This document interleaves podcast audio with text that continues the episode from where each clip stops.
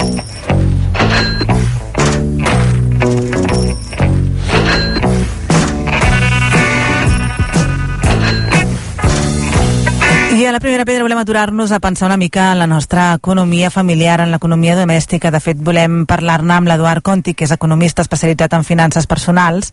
Eduard, molt bon dia. Molt bon dia, Noemí. Des de la seva empresa Conti Economia, l'Eduard, a més de desenvolupar programes d'educació econòmica per a empreses i administracions públiques, ofereix assessorament i formació per a facilitar justament que les persones prenguin el control de la seva economia personal i la del seu negoci. I ja vam parlar de l'estreta relació que hi havia entre l'economia personal i la salut d'una persona.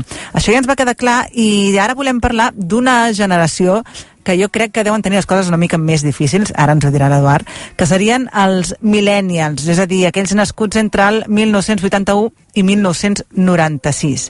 Eduard, eh, descriu-nos una mica aquesta generació i realment és una generació que té més difícil? En tot cas, és una, de, és una generació diferent de l'anterior, de la generació X, que seria la, la, la meva, almenys, no?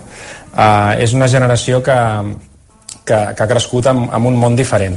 Llavors, al final, Uh, jo avui tenia ganes de parlar d'aquesta generació perquè és una generació d'una franja d'edat, d'aquesta franja d'edat entre els 23 i 39 anys, una generació molt important perquè les decisions que prenguin aquesta generació, decisions econòmiques que prenguin, de consum, etc, seran molt importants pel devenir de, de les nostres societats.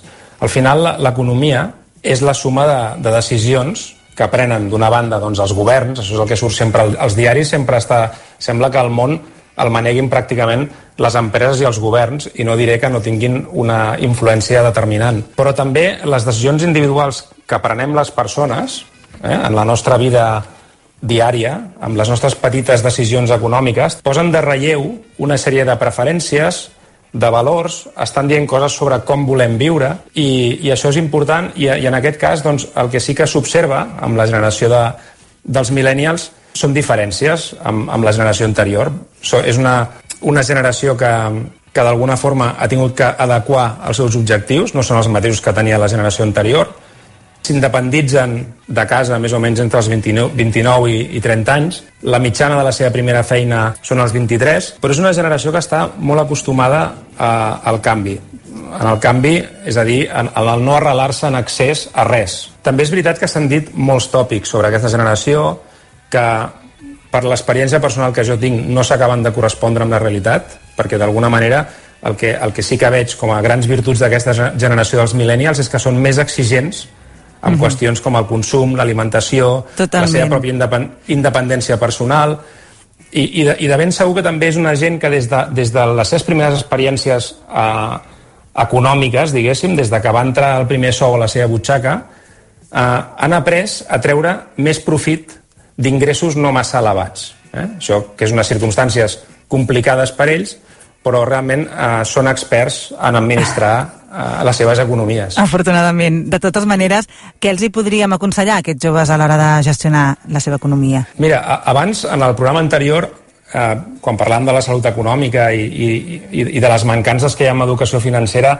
eh, recordo que, que tu em vas preguntar eh, el tema de, de per què no es començava abans no, amb l'educació financera, per què no es començava ja des de les pròpies escoles. Sí, sí. En aquest cas, clar, els, els millennials tampoc han tingut la sort eh, de tenir una educació financera a les escoles i, per tant, el que sí que tenen és, en ser, en ser gent més jove, tenen la possibilitat de començar més aviat amb els bons hàbits econòmics. Llavors, si els hi haguéssim d'aconsellar tres o quatre coses, els hi diríem, primer, que facin un pressupost per controlar la seva economia, que sàpiguen quan ingressen, que sàpiguen quan gasten i amb què ho gasten. Quan vam parlar de, de, de planificar les vacances, ja vam parlar de la importància de, que té doncs, marcar-te un pressupost i saber quan pots gastar. En general, fer un pressupost d'ingressos i despeses el que et permet és saber millor quina és la teva situació real, també prevenir problemes, marcar-te objectius, etc. Després, el, el segon tema molt important, evidentment, dins de qualsevol economia personal i familiar, la gran despesa és la vivenda.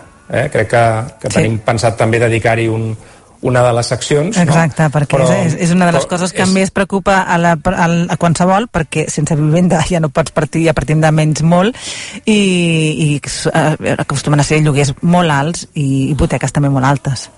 Exacte. Llavors és una decisió molt determinant i el que sí que si, si, si pensem en aquest decalatge que hi ha entre la primera feina i el moment d'independitzar-te, doncs aquests 6-7 anys que segueixen a casa i que, i que per tant doncs, no han d'assumir en molts casos la, aquesta despesa de vivenda, una, una recomanació seria que comencessin també a estalviar, no? que aprofitin aquest, aquesta primera etapa no? de, de, la, de vida laboral en la qual potser tindran menys despeses, doncs que comencin amb, amb aquest hàbit d'estalviar de cara doncs, quan arribi el moment poder, poder optar a, a, un, a un habitatge Clar. que sigui, generalment serà de lloguer, uh. -huh. però que, que ja vagin pre preparant-se no? amb temps per, per aquest moment de, de la independència. És a dir, que no arribin als 30 anys i hagin de començar amb, amb de zero. Buida, no? Sí. Exacte. Uh, de totes Exacte. maneres, quan tens una feina precària i un salari modest, uh, és realista això d'estalviar? Home, és, és complicat. És complicat, però al final eh, el que sí que és veritat és que l'hàbit d'estalviar eh, veig que me n'adono que em parlo molt del tema de l'estalvi clar, potser és la clau, no, no una crec... mica és, és, és molt important també és veritat que també sempre, sempre comento que, que això no està renyit en viure la vida és a dir, no, no hem de els, els diners són un mitjà. Eh? Els diners són un mitjà per aconseguir una sèrie d'objectius. No treballem per agafar tots els nostres diners i posar-los sota un matalàs i no tocar-lo. Això és absurd. El que sí que hem de saber és... Hem d'intentar eh, tenir criteris per saber guardar diners per més endavant. És a dir, a, els humans tenim tendència a deixar-nos portar per la recompensa immediata. Eh? Mm. O sigui, és, és, és un, una mena d'enemic que tenim psicològic i suposo que, que com, que, com més jove sí, encara sí. més, no? Quan ets, molt, quan ets molt jove, al final eh, el més important és el, és el dia, el, el present, no? Sí, sí. És, I a mesura que et vas fent gran, doncs vas pensant més en el futur, comences a planificar més, etc. no? Però realment, al final, el, si, de, si de jove, encara que no sigui un gran estalvi, és, et podria parlar inclús d'intentar estalviar 20, 30, 40 euros al mes, eh? Uh mhm. -huh. Això ja seria crear un hàbit. Perquè si no el que passa és que amb, amb la gestió dels diners acaba, acaba havent-hi com una mica l'efecte tub de pasta de dents, no? que al principi, quan està ple, doncs quasi que et passes de pasta de dents i després quan ja queda molt poc allò dura tres setmanes no? sí, sí. Doncs, llavors això és molt visual i, i és tal qual hi ha molts exemples d'això no? però eh, realment hauríem d'intentar que, que no ens acabem la pasta de dents la primera quinzena i després hàgim d'anar amb el final del tubo durant 15 dies eh? llavors això ara estem lluitant també s'ha de dir contra tendències humanes molt instal·lades en el nostre cervell automatismes i que, i que per, tant, per, per això és tan important el desenvolupar hàbits que contrarrestin aquestes tendències humanes no? a, a, a no, en aquest cas a no estalviar no? Sí, sí. Uh, sembla que això de l'estalvi era una cosa d'abans i que avui dia doncs, es podia viure el dia, però cada vegada ja no és la primera crisi que viu la nostra generació. Ens n'adonem que de sobte ve un revés i, i ens fan falta aquells diners que ja no tenim. I per tant Totalment. suposo que en aquesta generació, si ja saben com a mínim estalviar una mica, perquè ells també necessiten aquesta independència que cada vegada allarguen més. Per tant, si tenen com a mínim un recolz serà més fàcil, no? Exacte. Aquí la idea també és que no justifiquis que no estàs fent res perquè tens molt pocs ingressos o perquè tens pocs ingressos. Clar. És a dir, eh, d'alguna forma s'associa molt la situació econòmica d'una persona o la gestió que fa dels diners simplement amb el, amb el nivell d'ingressos.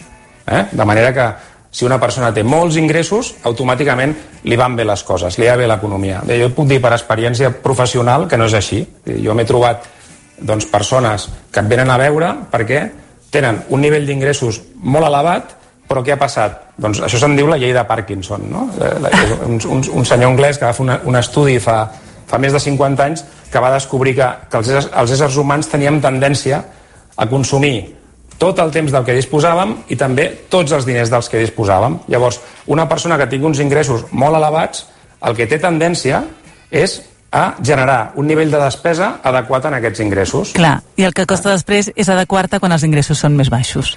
Aquest és el tema. Llavors, per començar a gestionar bé l'economia, doncs també ho pots fer encara que el nivell d'ingressos no sigui tan elevat, perquè un cop ho fas, si al llarg de la vida les coses a, a nivell d'ingressos et, et, et van bé i vas augmentant, tu ja tindràs instal·lat tot el programari de gestionar bé la teva economia. Llavors és més fàcil que no arribis a aquestes situacions que la gent no es creu que no expliques, que és persones que estan ingressant 10.000 euros al mes i que estan completament endeutades sí. i no arriben a final de mes. I sí, això sí. és, és així. Doncs amb aquesta idea ens quedem també i la setmana que ve seguirem reflexionant sobre l'economia domèstica. Moltíssimes gràcies, Eduard. Moltes gràcies, Noemi.